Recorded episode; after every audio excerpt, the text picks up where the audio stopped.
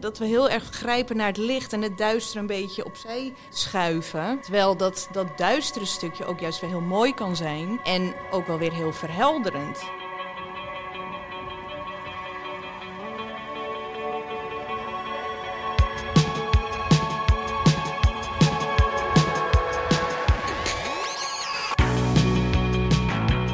Welkom bij de podcast van Design Museum Den Bosch. Ik ben Maan Leo en dit is aflevering 2 van de serie Goth Designing Darkness. Goth is de grootste subcultuur ter wereld. Goth is een levensstijl vol onbestemd verlangen naar de donkere kant van ons bestaan. Goth verwerpt de omtoverde moderne maatschappij waarin alles te verklaren is en nodigt je uit jezelf te verliezen in een wereld vol diepe betekenis, zwarte magie en onuitsprekelijke geheimen. De tentoonstelling Goth Designing Darkness, nu te zien in Design Museum Den Bosch, gaat op zoek naar de bronnen van de subcultuur en presenteert twee eeuwen cultuurgeschiedenis vol dramatische verbeeldingen, onheilspellend design en zwartgallige kunst.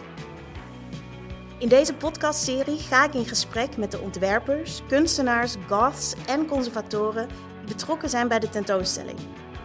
Wat betekent goth voor hen? Waarom steekt deze duistere stijl iedere paar jaar weer de kop op? En wat vertelt Goth ons over de huidige maatschappij? In deze tweede aflevering ga ik in gesprek met fotograaf Nona Limmen en modeontwerpers Linda Friese en Marjolein Turin. Werk van hen alle drie is te zien in de tentoonstelling. Welkom dames, fijn dat jullie er zijn. Dankjewel. Dank je. Bedankt. Laten we bij het begin beginnen. Jullie werk. Zou je kunnen vertellen wat je maakt en wat er van jou in de tentoonstelling te zien is? Wil jij beginnen, Linda? Ja, ik ben Linda Friese. Ik ben couturier en ik ontwerp op maat gemaakte kleding voor particuliere klanten, eigenlijk internationaal. Mensen vinden mij via mijn social media en ehm, mijn stijl kenmerkt zich door. Ik, ik, noem het vaak niet gothic, dus het was ooit wel iets meer gothic, uh, maar ik omschrijf het altijd als een, een, een duister sprookje. Altijd nog wel een, een donker randje aan. Uh, maar de laatste jaren zijn het vooral trouwjurken geworden. En dan zit je toch ook in het romantische hoekje. uh, dus daar ben ik eigenlijk automatisch ingerold, als het ware. Maar het zijn dan wel altijd de, de klanten die mij zoeken, vinden niet hun trouwjurk in een reguliere trouwzaak. En wat is er van jou in de tentoonstelling te zien?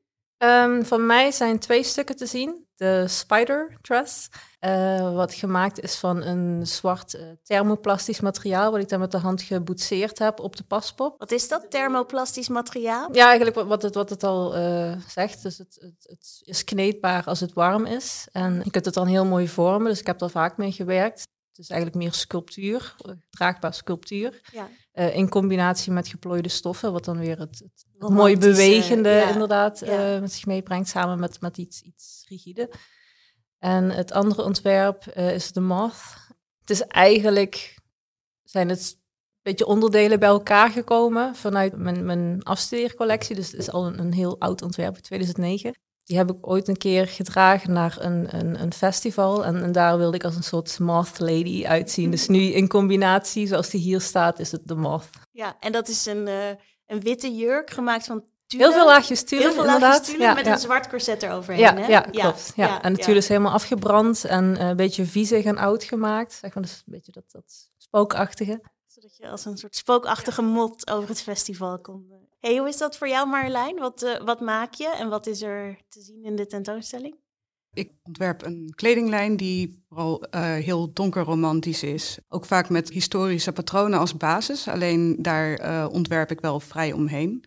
Ik werk heel vaak ook uit de losse pols, dus dat ik op de stof de designs uitteken en uitknip. En ik verkoop het vooral via ook social media en via een webwinkel. Mm-hmm. Verder is de kleding ook geïnspireerd door gothic novels en, en mythische figuren. En ook zit er heel sterk een uh, inspiratie uit de natuur mm-hmm. en uit de Art Nouveau. In de collectie is een van mijn meest god verantwoorde jurken een uh, donkerrode jurk met dramatische wijde mouwen en kanten hals met vintage chantilly-kant en versiering van gespen. Die is in de tentoonstelling te zien, die ja. donkerrode jurk met met ja. een, uh, een kanten kraag zit eraan, hè? Ja, kanten halslijn en enerzijds een uh, diep decolleté, maar ook juist een uh, hooggesloten deel. Dan zijn de mouwen en de overrok zijn van Ausbrenner Tof. Dat Ja. is een eh, eh, fluweel waar een deel uit weggebrand is en gaas is. Ja, nou ja, iedereen moet maar komen kijken, want hij staat er prachtig bij. Eh, Nona, wat, eh, wat zien we van jou in de tentoonstelling? Van mij gaan jullie eh, twintig ingelijste foto's zien. Ik ben artiest en fotograaf. Het is wel grappig dat Linda er net over begon. Want vaak eh, typeren mensen mijn werk als een soort van duister sprookje. Dus het is voornamelijk ja, toch wel werk met een duistere ondertoon. Ik heb zowel met eh, Marjolein en Linda al samengewerkt. Ik heb eh, beide kledingstukken, niet die in de expo staan, eh, maar andere werken, heb ik mogen gebruiken om eh, in fotoshoots te verwerken. Ze zijn ontzettend mooi geworden, ik ben er heel blij mee. En vandaag en tijdens de expo, dus Hey, Andere foto's te zien we- wat zien we op jouw foto's? Wat zijn de belangrijkste kleuren? Wat zijn de belangrijkste thema's? Ik werk voornamelijk met wat warmere tinten. Dus een beetje de, de rode ondertonen, een beetje de ja, bloed, paars, aubergine, die kleuren. Eh, het kleurenpalet eh, bij deze expo is voornamelijk paars. Dus ik heb echt specifiek voor die kleur gekozen. Ja, wat kan je allemaal zien? Het is, het is heel verschillend. Je, je kan eh, gotische kastelen zien in de lucht, in de wolken. Je kan hele duistere vrouwen zien in mooie jurken, mooie gewaden. Ook allemaal een beetje met een toch wat duister ondertoontje. Eh, zijn ze nou te vertrouwen of niet? Zijn ze nou... Ja, wat, wat, voor, wat voor figuren zijn het? Wat voor vrouwen zijn het?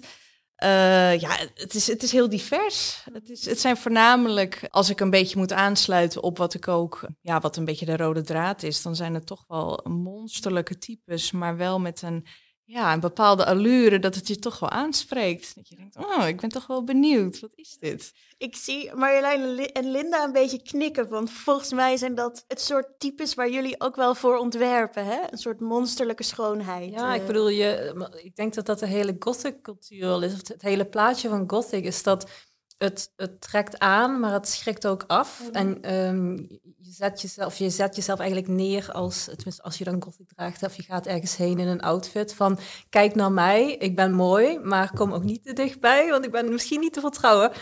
Ehm, uiteindelijk valt het natuurlijk allemaal wel mee, want we zijn ook maar gewoon mensen. Maar dat is wel een beetje het, het beeld wat, wat wel omhoog komt bij het zien van, van zo'n figuur. En die gedachte hou ik ook altijd een beetje in het achterhoofd als ik aan het ontwerpen ben.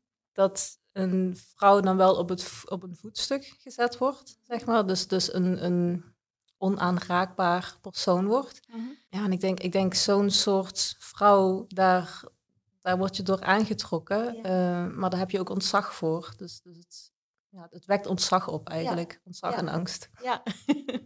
hey, ik ben wel heel erg benieuwd. Jullie hebben alle drie verteld wat je maakt en ook een beetje waar je inspiratie vandaan komt. Je hebben alle, al, al- geloof alle drie wel gezegd, er zit vaak ook een historische inspiratie in.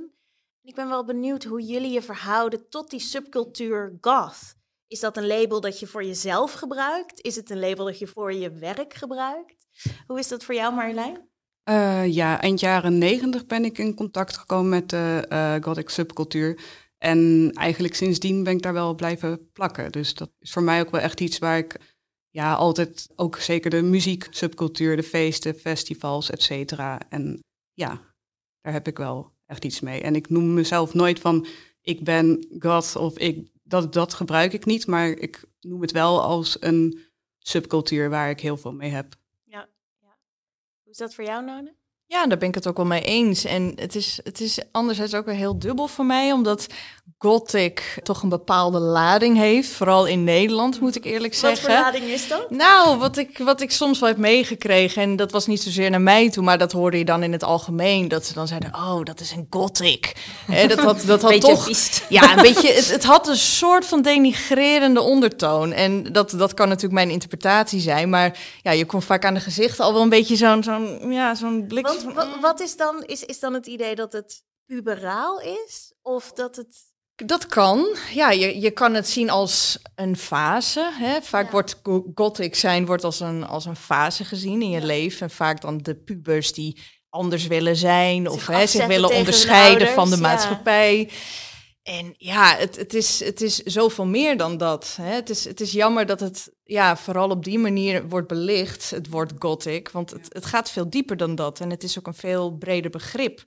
het is eigenlijk een beetje in mijn uh, opzicht is het iets wat ja, eigenlijk ook wel wat meer onder de aandacht mag komen. Hè? Ik, ik heb het toevallig laatst met vriendinnen erover gehad. Dat ik ook tegen hen zei van ja, het is alsof we altijd maar dat licht, hè, dat we heel erg grijpen naar het licht en het duister een beetje opzij schuiven. Terwijl dat, dat duistere stukje ook juist weer heel mooi kan zijn. En ook wel weer heel verhelderend. Hè? Het, het, klinkt misschien heel filosofisch allemaal dit, maar ja, ik vond het een heel, ja, ik vond het wel heel mooi om daarover na te denken. Van Gothic is veel meer dan alleen maar hè, de, de persoon die in het zwart gekleed is en die zich probeert af te zetten van de maatschappij. Zeker een onderdeel daarvan hoor, dat sluit ik niet uit. Maar het gaat veel verder dan dat. En dat, dat is mooi om ja, dat toch ook in deze expo terug te zien. Ja, ja. Ik zie jou klikken. Ja, um, ja, vanwege meerdere dingen. Ik blijf maar knikken. Um, nee, inderdaad. Dat, het wordt inderdaad gezien als, uh, als iemand die zich ergens van afzet, zeg maar. En dan daarom ook dat, dat, dat viezige gezicht bij trekken, zo aan gothic. Van die doet niet mee of die wil niet meedoen met ons. Wat in, in zekere zin ook wel de opzet is, misschien. Uh, ja, want je dus zei net ook van ik ontwerp voor een vrouw die... die... Ja, die, die, die op wil vallen ja, die op wil vallen, maar ook die, die op een bepaalde manier buiten de norm staat of zo. Waar je tegenop kan kijken als, als, als van, oh, dat is een bijzonder, een bijzonder Ja, en iemand die durft ook op te vallen. En dat is natuurlijk ook het hele principe van Gothic. Je moet er ook wel de ballen voor hebben om het te dragen. Ja, ja. Um, dus, dus en, mijn klanten zijn dat wel. Jezelf nog, noem jij jezelf goth, um, gothic? Ja, ik denk om het makkelijk te maken. Maar um, mijn kleding heb ik eigenlijk heb, ben ik vaak tegen aangekomen of aangelopen. Dat als ik het gothic noem, dat mensen al direct denken: oh, oh maak je dan voor uh, van die metalheads of zoiets? Ja. want ik vond het heel erg interessant. Ik, ik, ik was dit gesprek aan het voorbereiden en ik keek bijvoorbeeld naar de hashtags die jij gebruikt op Instagram om je werk mee aan te duiden. En dan gebruik je geloof ik niet de hashtag goth of gothic. Oh jawel, jawel. Ja? Op zich wel vaak zat. Um, Goth girl, goth oh, ja, style. jawel, jawel. Ik bedoel, het is, het is uh, een makkelijke manier om je werk te omschrijven schrijven natuurlijk en voor mensen om het te vinden. Maar als je het tegen een, uh, een leek over je werk hebt, zeg maar, en je noemt het woordje gothic, dan is dat direct, oh, oh, je maakt dat. Nee, nee, nee, ik maak dat eigenlijk niet. Ik maak eigenlijk iets anders. dus noem het maar gewoon een duister sprookje. En dan is het, oh ja, sprookje, dat ken ik wel. En een beetje duister, oké, dat snap ik wel. Dus je maakt Disney-jurken? Nee. nee, ook niet. Maar uh, oké, duistere romantiek dan. Oh ja, ja, vaag genoeg. Ja. Maar ehm, ja, het woord gothic, het is, het is aan de ene kant een makkelijke manier om iets te omschrijven. Aan de ene kant zet je iets wel heel erg vast natuurlijk. En het is heel erg breed. Het heeft ook ontzettend veel stromingen. Uh, ook, ook dat je denkt van, oh, is dit ook gothic? Ja, uh, ja, ja. dat hoort er ook bij. Als ik het zelf zou omschrijven, dan is het gewoon eerder gewoon duistere romantiek. Ja. Maar het, komt eigenlijk allemaal van, van het, het weg willen vluchten van de realiteit. Ja. Ik. een soort... Uh, eigen wereld creëren. Ja. Hey, een van de dingen die jullie alle drie al genoemd hebben toen jullie je werk introduceerden, was die historische inspiratie. En jullie maken daar alle drie heel veel gebruik van. je zou soms zelfs kunnen zeggen van, oh ja, je kan voor een buitenstaander zou je kunnen zeggen, je kan die beeldelementen die horen bij God, die kan je bijna uittekenen. Dus dat is het kant, uh, de corsetsluiting, de hoge doorzichtige kraag soms, maar ook uh, de kerkhoven, de, de, de kathedralen, de skulls die je ziet. Tegelijkertijd blijven jullie werk maken, blijf je ook niet hangen in één ding. En ik ben heel benieuwd hoe dat proces van vernieuwing voor jullie werkt. Dat je enerzijds gebruik maakt van het kanon van de gothbeeldtaal en anderzijds telkens weer nieuwe dingen maakt. Hoe werkt dat? Marjolein, hoe is dat voor jou? Uh, ja, ik zou zeggen dat God en die hele beeldtaal die erbij hoort, dat is een element.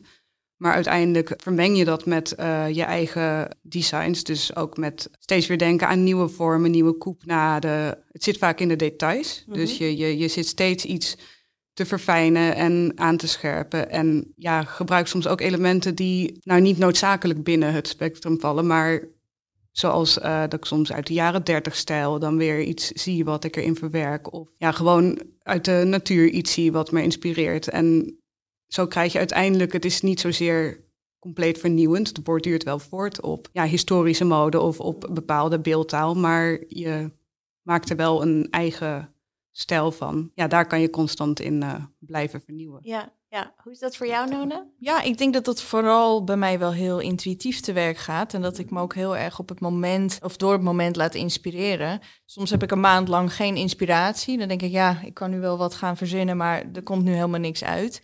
En soms dan lees ik iets, of hè, wat, wat Marjolein ook heeft, dan, dan zie je iets, iets in de natuur. En dan denk je, oh, hier kan ik misschien wel wat mee doen. En dan ineens dan komt er wel weer iets uit of zo.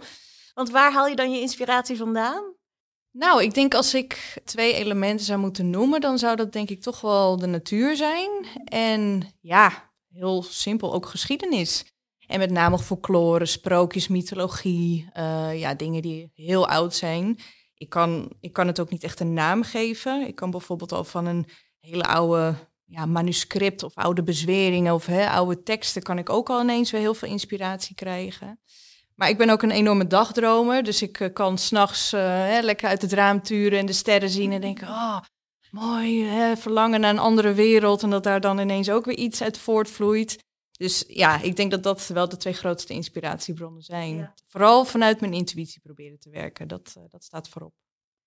En voor jou, Linda? Ja, voor mij is historische kleding eigenlijk altijd wel uh, inspirerend geweest. Vooral ook omdat er zoveel aandacht aan besteed wordt. Ik bedoel, een t-shirt van nu is niks. is niet echt, ja, je kunt er natuurlijk ook veel dingen mee doen. En er zijn ontwerpers die zich daardoor laten inspireren. Maar voor mij is het vooral de, de, de mooie snit, de, de elegante beleiding. Wat het vrouwelijke vuur nog, nog extra accentueert. En de, uh, ook, ook nou ja, de hoge kragen, zeg maar, wat dan weer meer ontzag opwekt. Uh, een sterker silhouet laten hey, en zien waar daarmee. vind je die beelden dan? Heb je, uh, ga je naar de bibliotheek nou, toe? Ja, ga je naar museum? Ook heel veel films, uiteraard. Ik, ik, ik vroeger, je kon me eigenlijk altijd wel vinden met, met mijn duim in mijn mond voor de tv naar films kijken. En dus vaak met, met kostuums. Uh, vanaf dat ik al klein was. En uh, ja, ook, ook, een figuur als Edward Scissorhands bijvoorbeeld, weet je, of, of The Crow. Dat, dat waren mijn jeugdliefdes. Waar andere meisjes de Backstreet Boys en NSYNC... Ja, ja, ja, nee, ik vond, uh, geef mij maar The Crow. nou, dus, dus dat zat er eigenlijk altijd al in. Dus het is ook niet iets wat... Um, dus je besluit van, ah, ik word gothic. Uh, ja. Ik vind nu deze dingen leuk. Dus, dus het, het is echt iets wat vanuit je, vanuit je, je jonge persoon al is meegekomen. Ja. En waar vind je dan die vernieuwing? Want ja, je kan wel, je kan tien keer naar alle Tim Burton films kijken, maar op een gegeven moment heb je ze allemaal gezien. Ja, ja, ja. Um, ja die, die vernieuwing, dat, dat, dat, gaat, dat gebeurt in je hoofd. Uh, je, ziet iets, je, je, gaat het vereenvoudigen misschien. Je, je, je denkt van, oeh, maar hoe zou die jurk uit de 16e eeuw eruit zien over 300 jaar, zeg maar, als een vampier in de toekomst dat zou dragen, die dan toen is geboren, die wil er dan ook nog ja, modieus uitzien, maar tegelijkertijd ook nog terugrefereren naar de tijd waar die vandaan komt. Uh, een beetje meer die gedachte. Ja, en, en, en bijvoorbeeld, uh, ik heb ook eens een keer een jurk ontworpen die dan geïnspireerd was op, op een harnas. Uh, die heet dan de Jeanne d'Arc. Oh, dat is wel mooi, want jouw, jouw jurk in de tentoonstelling staat naast een standbeeldje van Jeanne d'Arc, hè? Oh, ja, ja, ja, ja inderdaad, ja. ja. Ja, precies. Maar ja, dat, dat, dat is ook weer een, een heldin, zeg maar. Een vrouw die op zichzelf staat, die, die ontzag opwekt. En waar ook een, een duister, tragisch verhaal aan, aan zit. Ja, dat is sowieso iets gaat vanzelf. Ja. Een van de onderwerpen in de tentoonstelling is authenticiteit en namaak. En ook hoe marketing zich verhoudt tot de subcultuur. En ik wil een stukje voorlezen uit de tentoonstellingstekst en daar jullie op laten reageren. In de tentoonstelling zeggen we het volgende. Het voortdurende spel tussen echt en namaak geeft Goth een ongemakkelijke relatie met moderne commercie en marketing. Goth zoekt immers naar een echter leven dan onze platte maatschappij te bieden heeft. Maar dat gevoel van authenticiteit kan ook worden nagemaakt, verpakt en verkocht. Dat is het einde van het citaat. En ik moest hierbij ook wel aan jullie denken. Want jullie zijn alle drie ook wel commerciële boss ladies. Jullie zijn lekker bezig op sociale media. Jullie verkopen je werk. Tegelijkertijd zijn jullie als serieuze kunstenaars en ontwerpers te zien in de tentoonstelling. En wat ik interessant vind, is dat ik denk dat de mensen die de kleding dragen van Linda en Marjolein... en de mensen die jouw prints en foto's en straks ook jouw boek gaan kopen... dat die het gevoel hebben dat dat appelleert aan hun echte zelf. Dat ze hun authentieke zelf zijn wanneer ze jullie kleding dragen of naar, jullie, naar jouw beelden kijken. En daarmee zitten jullie op een bepaalde manier in de business van authenticiteit. En er lijkt een soort van tegenstrijdigheid in. Die zin die klopt niet.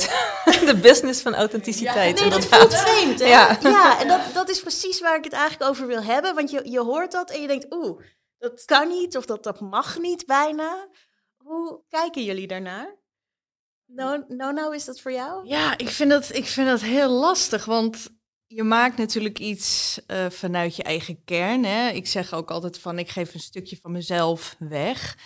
En het is heel gek om dat dan ja, te moeten, tussen aanhalingstekens, te moeten opdringen aan anderen. Van, hè, kijk eens wat ik gemaakt heb. Ga dit kopen, dit moet je hebben. En dat, ja, dat, dat, het, het voelt heel tegenstrijdig, wat Linda net al aangaf. Dat je iets hebt gemaakt waar je trots op bent. En vervolgens, ja, het is er. Dus je moet het verkopen. En dat, dat voelde soms niet helemaal lekker. En dat gevoel heb ik soms nog steeds. Dat ik denk van, ja, ik ben hier heel blij mee. En eigenlijk, ja, als mensen dit niet willen kopen, vind ik het ook prima. Want ik doe het in eerste instantie voor mezelf. Maar ja, ik moet mijn geld verdienen. En hè, ik wil als artiest gewoon een beetje lekker kunnen leven. Dus je voelt dan toch de drang om dat wel uh, te moeten blijven doen. Maar ik probeer altijd heel erg die balans te houden in wat ik uh, naar buiten breng en wat ik ook verkoop. Dat je bijvoorbeeld met limited edition dingen gaat werken of dat je juist even geen dingen verkoopt, maar bijvoorbeeld samenwerkingen aangaat met bands of hè, dat je artwork voor anderen maakt. Dus dat je daar dan nog je geld uh, uit kan halen. Maar het voelt al heel gek om daar dus over na te moeten denken van met welke kunst kan ik mijn geld verdienen en wat hoeft niet per se verkocht te worden. Dus ja, dat, ik weet niet hoe dat voor jullie is. Jullie doen het natuurlijk met Ja, kleding. Dat is eh, heel anders. Ja, ik heb, ik heb de kunstacademie gedaan en Ja, daarin wordt het eh, ook altijd ge- gepromoot om, om dingen meer conceptueel aan te pakken. Dus niet zozeer, ja, gothic, dat vinden ze al helemaal niet fijn. Of je moet het op zo'n manier ontwikkelen dat het weer iets heel nieuws wordt. Want waarom vinden ze Gothic op de kunstacademie niet fijn? Oh jee, ehm, oh crap. Zonder heel gemeen te worden. ja, ehm, nou, het, omdat het al gedefinieerd is. Oh ja. Eigenlijk is dat makkelijke antwoord. Het, Ja. Je zit al in een hokje, je, je denkt niet meer vrij. En dat is, dat is juist wat ze willen ehm, motiveren, is, is dat je ja, au- authentiek wordt, blijft, eh, Ja, ja. je En laat dan- zien. En dan is goth dus niet authentiek. Terwijl ik denk dat dat... Nou, als je het al iets kan noemen, dan, dan is het al eigenlijk niet authentiek. Want dat betekent dat het al bestaat en dat er al meerdere van zijn. Ja. Toen ik net was afgestudeerd, had ik eigenlijk twee lijnen. Ik had een, een Gothic Lolita-lijn, dat was de, waren de verkoopbare dingen. En ik had mijn eh couture-collecties. En dat waren de kunstzinnige dingen waarvan ik wist, dit gaat toch niet verkocht worden, want niemand kan het dragen. Eh, je kunt het überhaupt niet dragen. Of ja, je kan het wel dragen, maar alleen op de catwalk of bij de fotoshoot. Dus niemand gaat het kopen, het is veel te duur. Kost veel te lang om te maken. En op een gegeven moment, na een paar jaren, zijn die twee bij elkaar gekomen tot gewoon Linda Friese, eh, wat het nu is, gewoon onder mijn eigen naam. En ehm, daarin heb ik ook bepaalde dingen achter moeten laten. Dus die kunstzinnige dingen die ik wel tof vond om te maken. Maar ja, je verdient er niks mee. Dus, dus wat Nona ook al zegt, eh, het, zijn wel je ideeën. En, en ik heb nog steeds wel de drang om ze te maken, maar ja, zo weinig tijd, dus op zich, het gaat niet eens. Maar ehm, op een gegeven moment vind je een, een weg tussen het verkoopbare en, en dat, ja, je authenticiteit. En daarin moet je dan eh, vooruit. En, en dan blijf je toch trouw aan jezelf, maar je verdient er ook wat mee.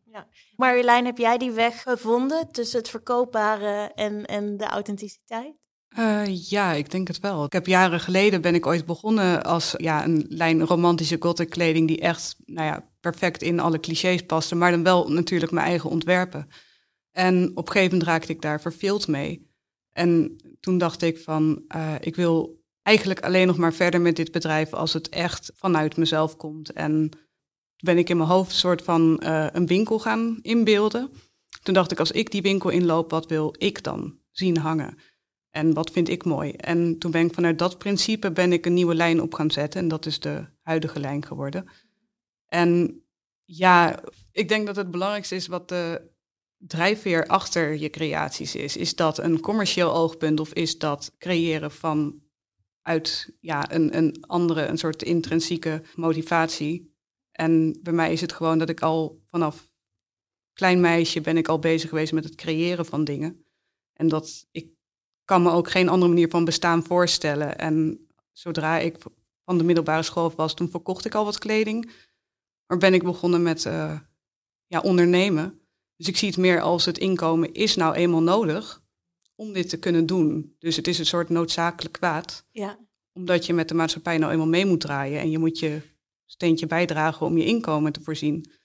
En zijn dat dan, ervaar je dat dan nog als een soort van tegenstrijdigheid? Of heb je dat, heb je dat al bij elkaar weten te brengen eigenlijk? Um, ja, omdat ik weet dat ik het maak vanuit het oogpunt om iets moois te maken. En niet vanuit het oogpunt dat het een commercieel item moet zijn. Ja. En dan is het fijn dat anderen het ook willen kopen, zeg maar. Dat is een, uh... ik, had een keer een film gezien, uh, hoe heet die ook weer? Syrup. Best een toffe film. Het gaat over marketing. Um, dat een business wordt opgestart vanuit een gat in de markt wat gevuld moet worden. En een uh, artiest begint met dat maken wat hij graag wil maken en kijkt dan of iemand het wil kopen. Mhm. Ik denk dat wij dat alle drie zijn. Zo, we, we maken wat we graag willen maken en uh, gelukkig zijn er mensen die het willen kopen. Linda, jij hebt al een aantal keer verteld voor welke vrouw jij ontwerpt. Hè? Dat is een vrouw op een voetstuk, heb je een paar keer genoemd al, waar je met bewondering en met lichte angst misschien naar kijkt. En ik ben wel heel benieuwd. Ik heb bij jullie alle drie, denk ik, dat jullie voor vrouwen ontwerpen. Of Nona, jij maakt foto's waar. Is er een foto met een man? Nee. nee. Ik denk dat 90% van mijn foto's bestaat uit vrouwen. Ja, Absoluut. Misschien wel 95%. En ik ben wel heel benieuwd wat voor een vrouwbeeld jullie neerzetten. Omdat ik denk dat als een buitenstaander denkt aan een gothvrouw, dan denk je aan een uh, mooi, slank meisje in een corset, lang haar, dat misschien ook wel heel erg conformeert aan bepaalde traditionele ideeën van, van vrouwelijkheid. Ehm, en ik ben wel heel benieuwd of jullie daarmee bezig zijn.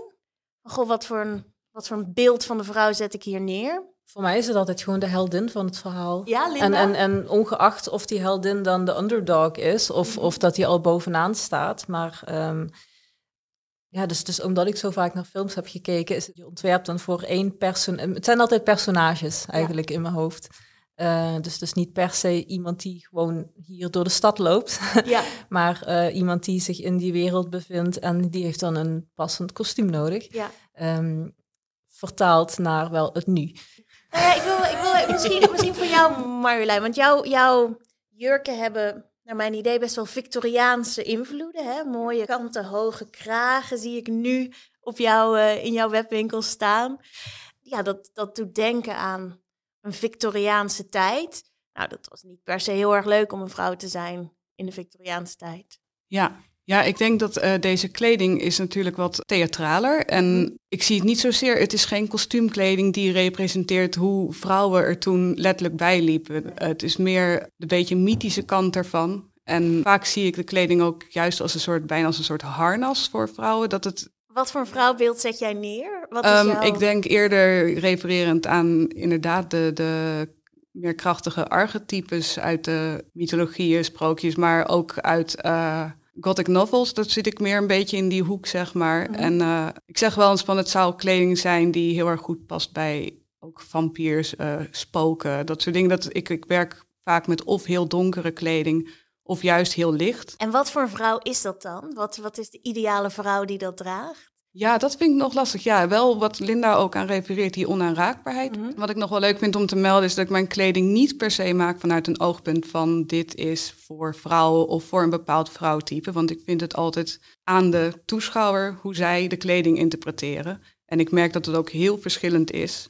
Ik heb ook uh, mijn klanten die komen van over heel de wereld en een deel zit in de God scene of heeft daar iets mee. Maar het kan echt voor alle mogelijke types personen gekocht worden en ook voor alle mogelijke gelegenheden. Dus het is heel erg uh, aan de persoon wat ze in zien. En het wordt ook uh, niet alleen door vrouwen gekocht, het wordt ook regelmatig door mannen gekocht. Hey, en Nona, jij portretteert ook vaak jezelf?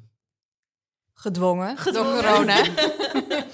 Ik heb hiervoor altijd wel veel met modellen gewerkt. Maar ja, als je ideeën hebt en je kan iemand uitnodigen of ja, je moet in lockdown, dan uh, ja, moet je het zelf maar gaan doen. Ja, dus Ik, heb, ik heb het echt, ik heb een soort van uh, persoonlijke barrière heb ik moeten overwinnen. Want ik vond het heel spannend en heel maar confronterend. daarmee sta je ook wel in een soort lange traditie van vrouwen die zichzelf fotograferen en daarmee zichzelf vormgeven eigenlijk. Ja, en uiteindelijk heeft het me ook weer heel veel uh, opgeleverd in de zin van dat ik, hè, als ik bijvoorbeeld mezelf op foto's zag, dacht ik, oh, dat is niet zo mooi aan mezelf en oh, dat vind ik uh, ook iets minder. En op een gegeven moment dan accepteer je het gewoon. Dan denk je, ja, het is wat het is. En ja, ik kan daar niet zoveel aan veranderen. En dat zou ik ook niet moeten willen. Dus het heeft ook wel weer heel veel opgeleverd, ondanks dat ik het heel eng vond in het begin. Sowieso dat je natuurlijk letterlijk en figuurlijk iets van jezelf blootgeeft aan het publiek. En dat je jezelf dan toch online ziet staan met, nou ja, en, en nou, soms zelfs niks. Dus ja, dat, dat voelde heel gek en heel bevrijdend tegelijkertijd. Ja. Op dus- wat voor manier bevrijdend? nou ja, ik denk dat het toch iets, het, het is iets van mezelf. En ja, ik zeg gewoon letterlijk, dit is wie ik ben. En ja, dat kan het verhaal zijn, maar in dit geval dan voornamelijk het beeld. Ik vind het wel heel leuk dat juist de foto's waar jij zelf model staat, dat jij ook heel erg één bent met jouw werk. Dus jij klopt daar heel erg in. Dus ik Ja, vind wel juist het iets gezicht toe. geworden Ja. van, je, van je werk. Ja, En dat voegt wel heel Ja. erg toe Ja. juist. letterlijk. Ja, ja het, is, het is onbewust inderdaad op die manier een beetje gegroeid. En eh, ja, vind ik trouwens heel leuk om te horen. Dat is, ja, ik werd een beetje gedwongen, maar gelukkig eh, is het goed, eh, goed, ja, goed uitgepakt inderdaad. Ja. Ik wil als laatste een vraag stellen die ik al mijn gasten ga stellen. En dat is een vraag die ik ook mezelf stelde bij het ontwikkelen van de tentoonstellingen van de podcast. En dat is, waarom steekt deze duistere stijl iedere paar jaar weer de kop op? Waarom zien we dit eigenlijk altijd weer terugkomen? Hebben jullie daar een antwoord op? Ik denk dat het nooit is weg geweest. Nee? Nee, ik denk, hè, je ziet af en toe wel dat het weer iets meer in de media komt. Of dat er bijvoorbeeld weer films uitkomen of series, dat het weer wat meer besproken wordt. Maar het is er altijd al geweest. En misschien komt het omdat dat we zelf ook in die wereld verkeren of dat we mensen kennen. Maar ja, nee, ik, ik denk, het is altijd al een onderdeel van het leven geweest. En, En waarom ja. is dat? Waarom is het er altijd al geweest? Nou, omdat ik denk dat mensen het toch wel heel aantrekkelijk vinden. Dat, dat mysterieuze, dat, dat ongrijpbare. Eh, ik denk dat er gewoon heel veel mensen zijn die dat, dat mystieke wel, ja, wel heel interessant vinden. Gewoon even niet een alledaags onderwerp, zeg maar, van alledaagse levensstijl. Ja. Ja. Ja, en ik denk dat, dat de, de dreiging van de dood, zeg maar, dat maakt het, het leven ook nog eens extra, extra meer waardevol. Ehm, en ik denk dat, dat, dat die hele romantische gedachte erachter, dat, dat overdrevene, dat, dat, dat, dat grootse gebaar, zeg maar, dat wordt natuurlijk groter omdat de dood op de loer ligt. Vooral nu in deze tijd, Ja. natuurlijk heel, heel toepasselijk. Ja. Ja, misschien heeft dat er ook mee te maken. Ik vind Ja. het in ieder geval altijd heel erg leuk als ik ineens weer een paar jonge goths op straat zie lopen. Ja, en denk, ik, oh, ze zijn weer terug. Ze zijn er nog. Ja, het is niet uitgestorven. ja. Hoe is dat voor jou, Marjolein? Eh, ja, ik heb ook wel het idee dat het altijd wel aanwezig is. Alleen dat het soms inderdaad door events zoals destijds... dat je tegelijkertijd eh Rhythm Temptation en Harry Potter en weet ik veel wat... en Lord of the Rings, dat popt het opeens- op in de mainstream. Ja. Maar op de ondergrond denk ik dat het altijd wel aanwezig is. En zeker sinds dat mensen zich individueel mogen uiten... wat natuurlijk wat meer van de moderne tijd is dat personen die wat meer hebben met die melancholie of met die donkere romantiek, dat die zich comfortabel voelen dat ook naar buiten toe te uiten. Maar dat dat slagmensen er altijd al is geweest en dat iedereen het ook wel op een manier in zich heeft. Ja. Ja, misschien is het ook meer een, een groter geheel. Dat het niet alleen de gothic is die dan opduikt weer, maar ook meerdere subculturen. Dus, dus dat eh, het, het individualisme, zeg maar, meer omhoog komt in plaats van de eenheidsworst. En vormen van zelfexpressie. Ja, ja, precies. Ja, ja. ja. Heel erg bedankt. Nona Limme, Linda Friese, Marjolein Turin voor dit bijzondere gesprek. Dit was de tweede aflevering van de serie Goth Designing Darkness, de podcast van Design Museum Den Bosch. De tentoonstelling Goth Designing Darkness is te zien van 16 oktober 2021 tot en met 18 april 2022. Reserveer je tickets online. Wil je meer van onze podcasts horen? Abonneer je dan in Apple Podcasts of op Spotify. Wil je meer weten over de tentoonstelling? Neem dan eens een kijkje op de derde verdieping, het online platform waar we de thema's van onze tentoonstellingen nog verder uitdiepen. Je vindt de derde verdieping op www.designmuseum.nl. Mijn grote dank gaat uit naar Judith en Sander van Outcast, die deze podcast produceren. Onze jingle werd gemaakt door Jelle van We Hear You. De tentoonstelling Goth Designing Darkness wordt mede mogelijk gemaakt door het Stimuleringsfonds Creatieve Industrie, Fonds 21, het Mondriaan Fonds en de gemeente Sertogenbos. Met duistere groeten, tot de volgende aflevering.